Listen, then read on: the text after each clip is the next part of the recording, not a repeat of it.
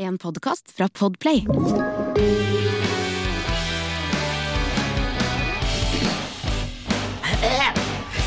Får du, får du rensa hersen, Helene? Hei og velkommen til deg som har ramla innom Megne. Dette er altså Helse-Megne tar tempen. En podkast til å le og grine av. Ja, og i dag, Helene, så skal det rett og slett handle om politikerforakt. Få si meg en ting. Var du interessert i politikk, la oss si, for fem år siden?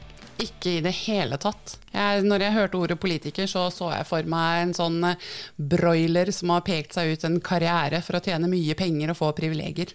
Og det sier jo at eh, politikerne på Stortinget har mer til felles med hverandre enn de har med de folka som de skal representere. Tror du det stemmer? Jeg tror at det er veldig sant, og jeg tror at det er mye politikerforakt i Norge nettopp fordi at det er en så stor avstand mellom vi som bor i landet, eh, og de som skal bestemme hvordan vi skal ha det. Ja, men Hva sier du til folk da, hvis de sier nei, jeg er ikke interessert i politikk? Jeg. Da tenker jo jeg at det er litt spesielt, fordi at politikk er jo noe som gjennomsyrer hele hverdagen din. Eh, syns du at melka i Norge f.eks. ikke er eh, billig, eller du syns at bensin er dyr? Syns du det er kjedelig å kjøre gjennom fire bommer for å besøke den syke mora di f.eks., så er eller jo det politikk. Eller at bestemor ikke får plass på omsorgshjem? Ja, det bestemor ikke får plass på omsorgshjem, at man ikke har råd til tannregulering til barnet sitt f.eks. Eller ikke får operasjon? Mange ting. Politikk omhandler jo hele livet og alle aspekter av livet, og så lenge man lever, så, er, så, bør man faktisk være opptatt av politikk. Men min søster er jo egentlig opptatt av hvordan samfunnet er. Men hun sier jeg, jeg orker ikke. Jeg føler meg avmektig, det har ikke noe å si hva jeg gjør. Nei, for man sitter jo og føler seg der, litt sånn eh, Jørgen eh, Hattemaker og kong Salomon. Man blir jo ikke hørt, og det hjelper ikke så mye å sitte hjemme i sofaen og være oppgitt heller. Man må faktisk gå ut og prøve. Men 70% av befolkningen, sies det, er egentlig ikke interessert i politikk. Men det er jo mange flere som stemmer, heldigvis, allikevel. Egentlig så tror jeg at det kanskje handler om at de ikke er interessert i å se eller lese om hva disse politikerne driver med, for ofte så får det oss til å riste på hodet, man blir oppgitt og hører om budsjettsprekker og oppvarma garasjer og tenker herregud, hva er det den gjengen driver med? Og det er man faktisk ikke opptatt av, så jeg tror at problemet er vel kanskje at man føler at politikerne ikke er opptatt av oss. Ja, det tror jeg stemmer overens med mange menneskers opplevelser av politikk. Men det er ikke så rart når, når man bruker ikke sant? Den var meningen at de skulle bruke var det 80-90 millioner på å bygge denne stortingsgarasjen. Så havner den eh, opp på milliarder. Altså budsjettsprekk på flere tusen prosent. Da virker det som de syns at deres egen garasje er viktigere enn eh, både sykehjemsplass til bestemor, billig melk og lave bompengepriser. De setter jo ofte egne behov først. I hvert fall så virker det sånn for mange av oss. Det henger jo ikke helt på greip heller, i en by hvor man ikke skal kjøre bil. Nei, det også. Det er mye i politikken. Jeg skjønner at det er vanskelig. Det, det fins jo sikkert ikke et land i verden som er perfekt styrt. Demokratiet er jo den modellen hvor vi syns at folk skal ha ganske stor innflytelse, men da må jo også folk se hvem det er de ulike partiene jobber for. Jeg syns f.eks. ikke det er noe å legge skjul på at hvis du er bilist og er fryktelig opptatt av bilpolitikk, så kanskje enten Bompengepartiet eller Frp er partiet for deg. Er du opptatt av næringsliv, ja så tror jeg kanskje man skal stemme Høyre, for de jobber for næringslivet. Venstre er gründerpartiet. KrF er småbarnsfamilier, eller eventuelt Troslivspartiet. Senterpartiet er der for bøndene. Eh, Arbeiderpartiet veit jeg søren ikke hvem er der for lenger. Og SV er kanskje et sånt idealistparti. Og eh, Rødt har jo sitt parti at de fremdeles er kommunister. Så man, de har jo veldig tydelige grupper. Og MDG, det er jo ikke noe tvil om at MDG prioriterer miljøpolitikken og jobber for miljøet. Men i det perspektivet så er det ingen partier som setter helse aller først. Det er jo faktisk bare Helsepartiet. Hvis du tror at ja, hvis jeg stemmer Arbeiderpartiet, så får jeg en god helsepolitikk så er det jo ikke helse de setter først. Det har man jo vist gjennom mange år i regjering. Og det samme med Høyre, som gikk ut og lovte at de skulle legge ned de der helseforetakene som koster oss så vanvittig mye, og som styrer helse som en butikk. De har jo ikke prioritert helse. Alle de partiene som har sittet i regjering de siste to tiåra, de har prioritert andre ting enn helse, og satt helse lenger og lenger ned på lista. Helse har vært en kuttsektor. Og skal dette snu, så er det jo egentlig bare demokratiet som kan gi oss makt til at den helsepolitikken vi har laget, at den blir løfta opp, og at helse blir prioritert. Men hvordan skal man si det på en kort og grei måte? Men altså, det som er paradokset, er jo at når man spør før et valg hva velgerne er mest opptatt av Og nå kommer datteren din med telefonen, hvem er det som ringer? Kan vi få høre? Barnet mitt. Å, så hyggelig. Få høre. Sett på høyttalertelefonen. Hallo, Ronald. Nå er du på radio. Å nei. Hei, Ronald! Velkommen til Helsemeggene. Velkommen til Helsemeggene. Hva har du på hjertet i dag, kjære innringer? Var hjemme, men det er du ikke. Nei! Vi er i studio. Så gøy! Har du det bra, Ronald? Ja, jeg, fikk, jeg våkna nettopp, og så fikk jeg frokost av Cassandra. Å, koselig. Og kaffe. Åh. Det fikk godt tatt vare på. Ivaretakelse er viktig. Det er det vi driver med Helsepartiet òg, vet du. Ja. Greit. Ok. Ha det. Ha det! Det var din førstefødte. Ja. Kjekk gutt, altså. Hvor gammel er han blitt? Eh, 21. Er han opptatt av politikk? Eh, ja, det er han jo. Eh, og han stemmer. Ja. Jeg skal ikke spørre hva han stemmer, men Det kan du jo gjette med den mora han har. Men det jeg skulle si, som er litt viktig når du snakker om eh, politikk og helse, det er jo at eh, før eh, alle valg så spør man jo velgerne hva er de mest opptatt av. Og det som står øverst på lista hos veldig mange, er helse, eller noe som er helserelatert, eller handler om livskvalitet. Eh, og det som er enda mer spesielt, er at da trår de store partiene til, og så setter de helse på agendaen. Eh, og dette glemmer de så fort valget er over. Og så sitter, eh, så sitter folk og er litt skuffa og venter på at ting skal skje, og det skjer ingenting. Og sånn har det jo vært nå i over 20-30 år.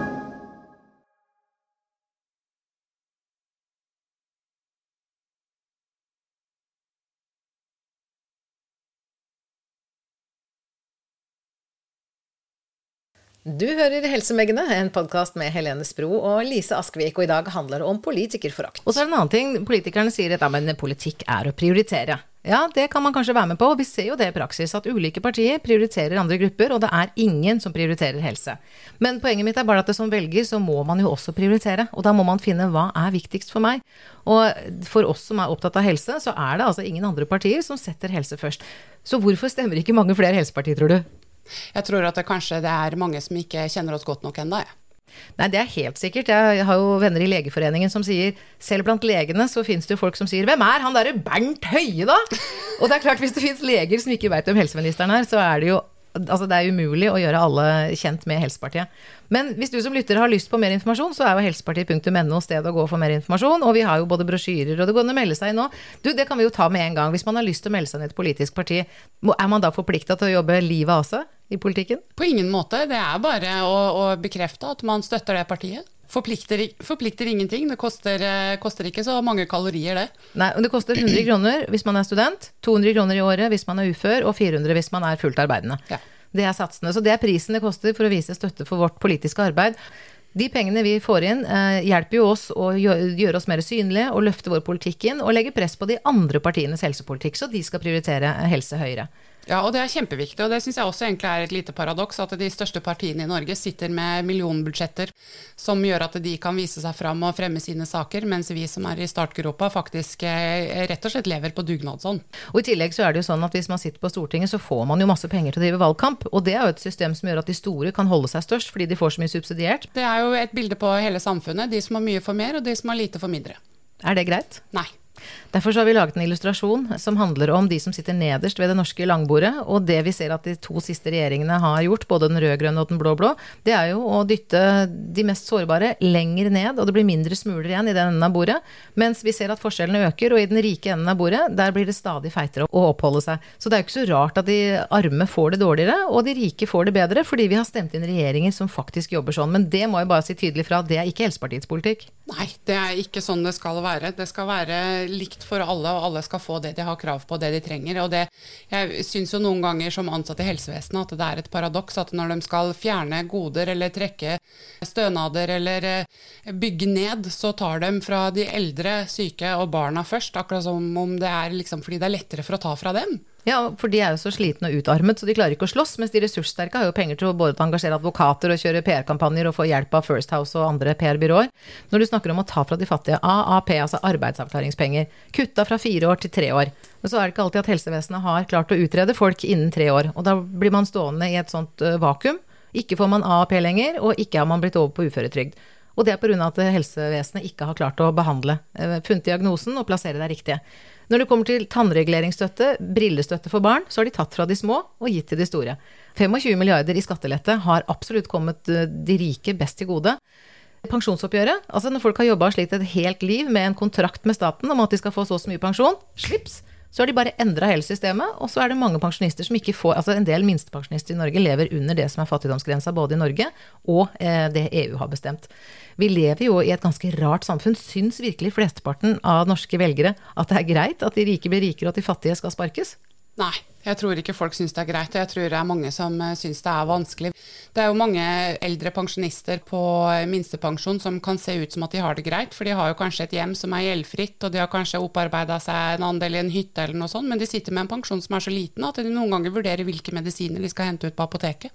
Kjenner du noen sånne tilfeller? Ja, det kjenner man. eh, Alle som jobber i helsevesenet har hørt om det. Når det kommer til Helsepartiets politikk, så har vi bygd politikk for alle sektorer, og så har vi tatt utgangspunkt i helsehensyn. Eh, Jeg bare tenker en sånn parallell. Det fins jo en lov når du skal bygge offentlig bygg, så skal 10% av byggeutgiftene brukes til kunst. Ikke sant? Der ligger kultur og kunst nederst som en terskel. Vi burde egentlig hatt en sånn helseterskel i alle sektorer og for alle departementer. Tenkte man kunne investert i det, altså virkelig investert i forebygging, investert i god informasjon, i rask behandling, i skikkelig rehabilitering. Det er jo de tre tingene vi er opptatt av. Forebygging, behandling og rehabilitering.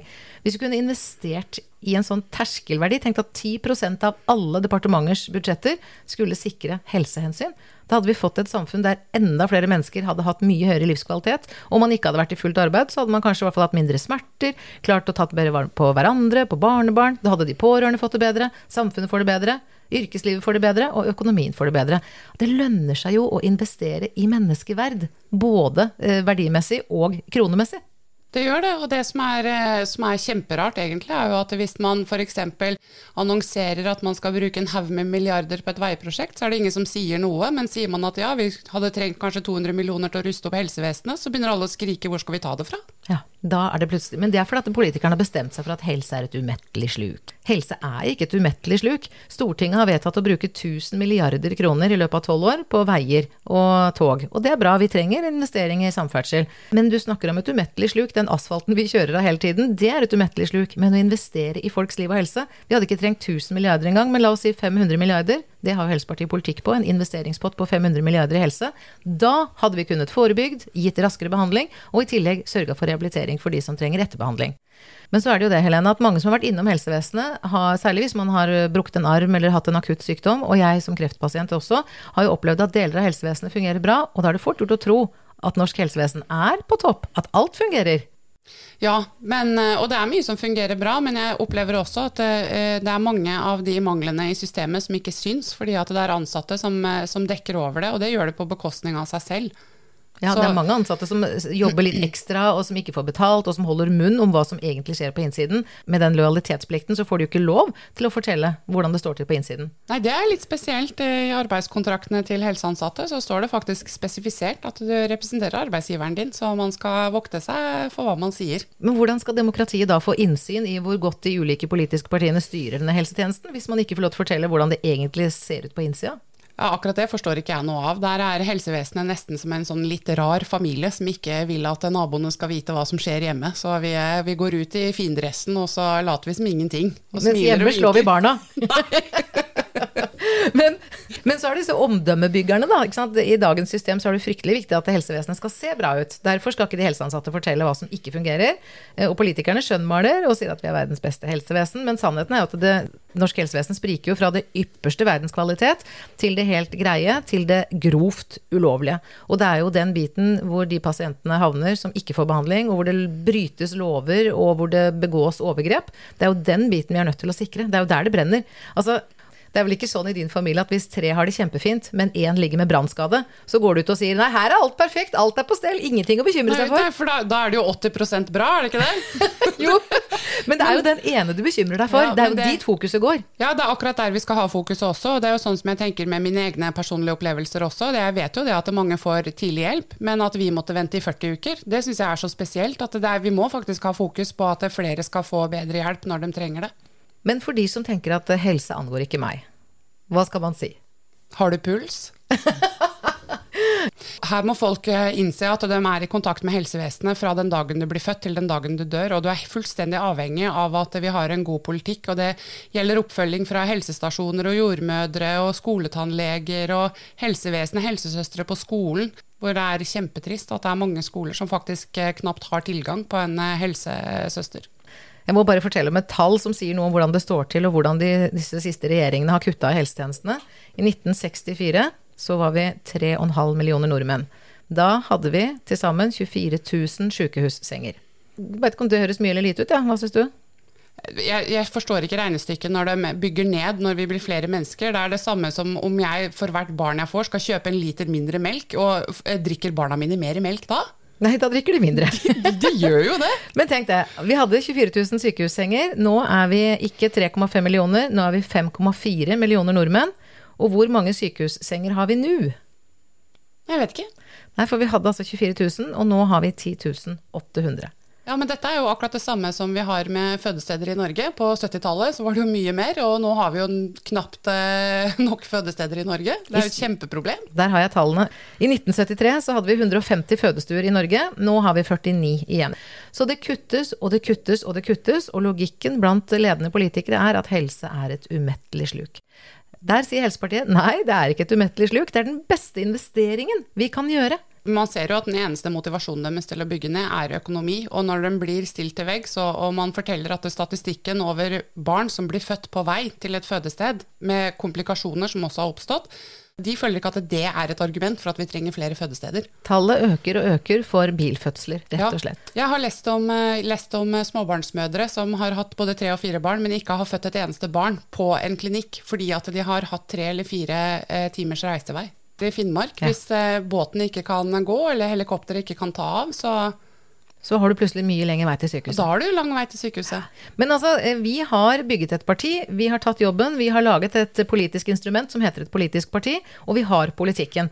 Eh, så det som egentlig mangler nå, er at demokratiet gir oss et mandat til å leve ut denne politikken. Og nå sitter jo Helsepartiet representert i flere kommunestyrer, og der virker jo politikken vår. Så må vi jo bare rett og slett be om at vi får et mandat fra flere av velgerne, hvis vi skal få deg f.eks. inn på Stortinget til høsten. Mm, ja, hadde jeg fått den muligheten, så ville jeg sett på det som en tillitserklæring, og en tillitserklæring som forplikter. Og da tror jeg at jeg virkelig hadde jobba for å få fram eh, vår politikk, altså. Du hadde ikke blitt starstruck av den æren det er å sitte på Stortinget, da, med høy lønn?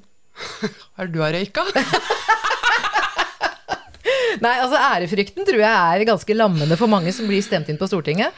Vet at Jeg har eh, mye mer ærefrykt eh, og respekt for de eh, menneskene som står i en blodig kjortel etter 20 timers vakt altså på Ahus, enn jeg har for disse dresskledde som får gratis frukt på jobben inne på tinget. Når du kommer inn på Stortinget, Lene, kanskje du skulle gå og hente litt kaffekopper og levere til våre helseansatte? ja, det er jo bare å få tak i kaffekannene, det. Så tar jeg trikken opp til Ullevål. Rampejente. Men du, denne politikerforakten den sier noe om hvordan de siste regjeringer har utført jobben. Har helsemegene her klart å ta temperaturen, eller? Det er umulig å ta tempen på en politiker. De er som små barn som prøver å skulke skolen, vet du. Så når det nærmer seg valget, så varmer de, så varmer de den under lampa, sånn at temperaturen blir høy. Og når de har klart å komme seg unna og skjønner at de har sluppet fri, så glemmer de hele termometeret. Ja, da faller temperaturen og interessen. Hva med noen diagnose?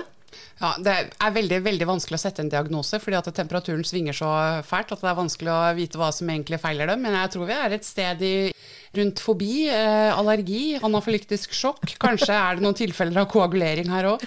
Huff da. Forstoppelse. Politikerforstoppelse! Nei, Helene, nå kjenner jeg at nå må du hjem. Takk for i dag. Og god bedring. Du har hørt en podkast fra Podplay. En enklere måte å høre podkast på. Last ned appen Podplay, eller se podplay.no.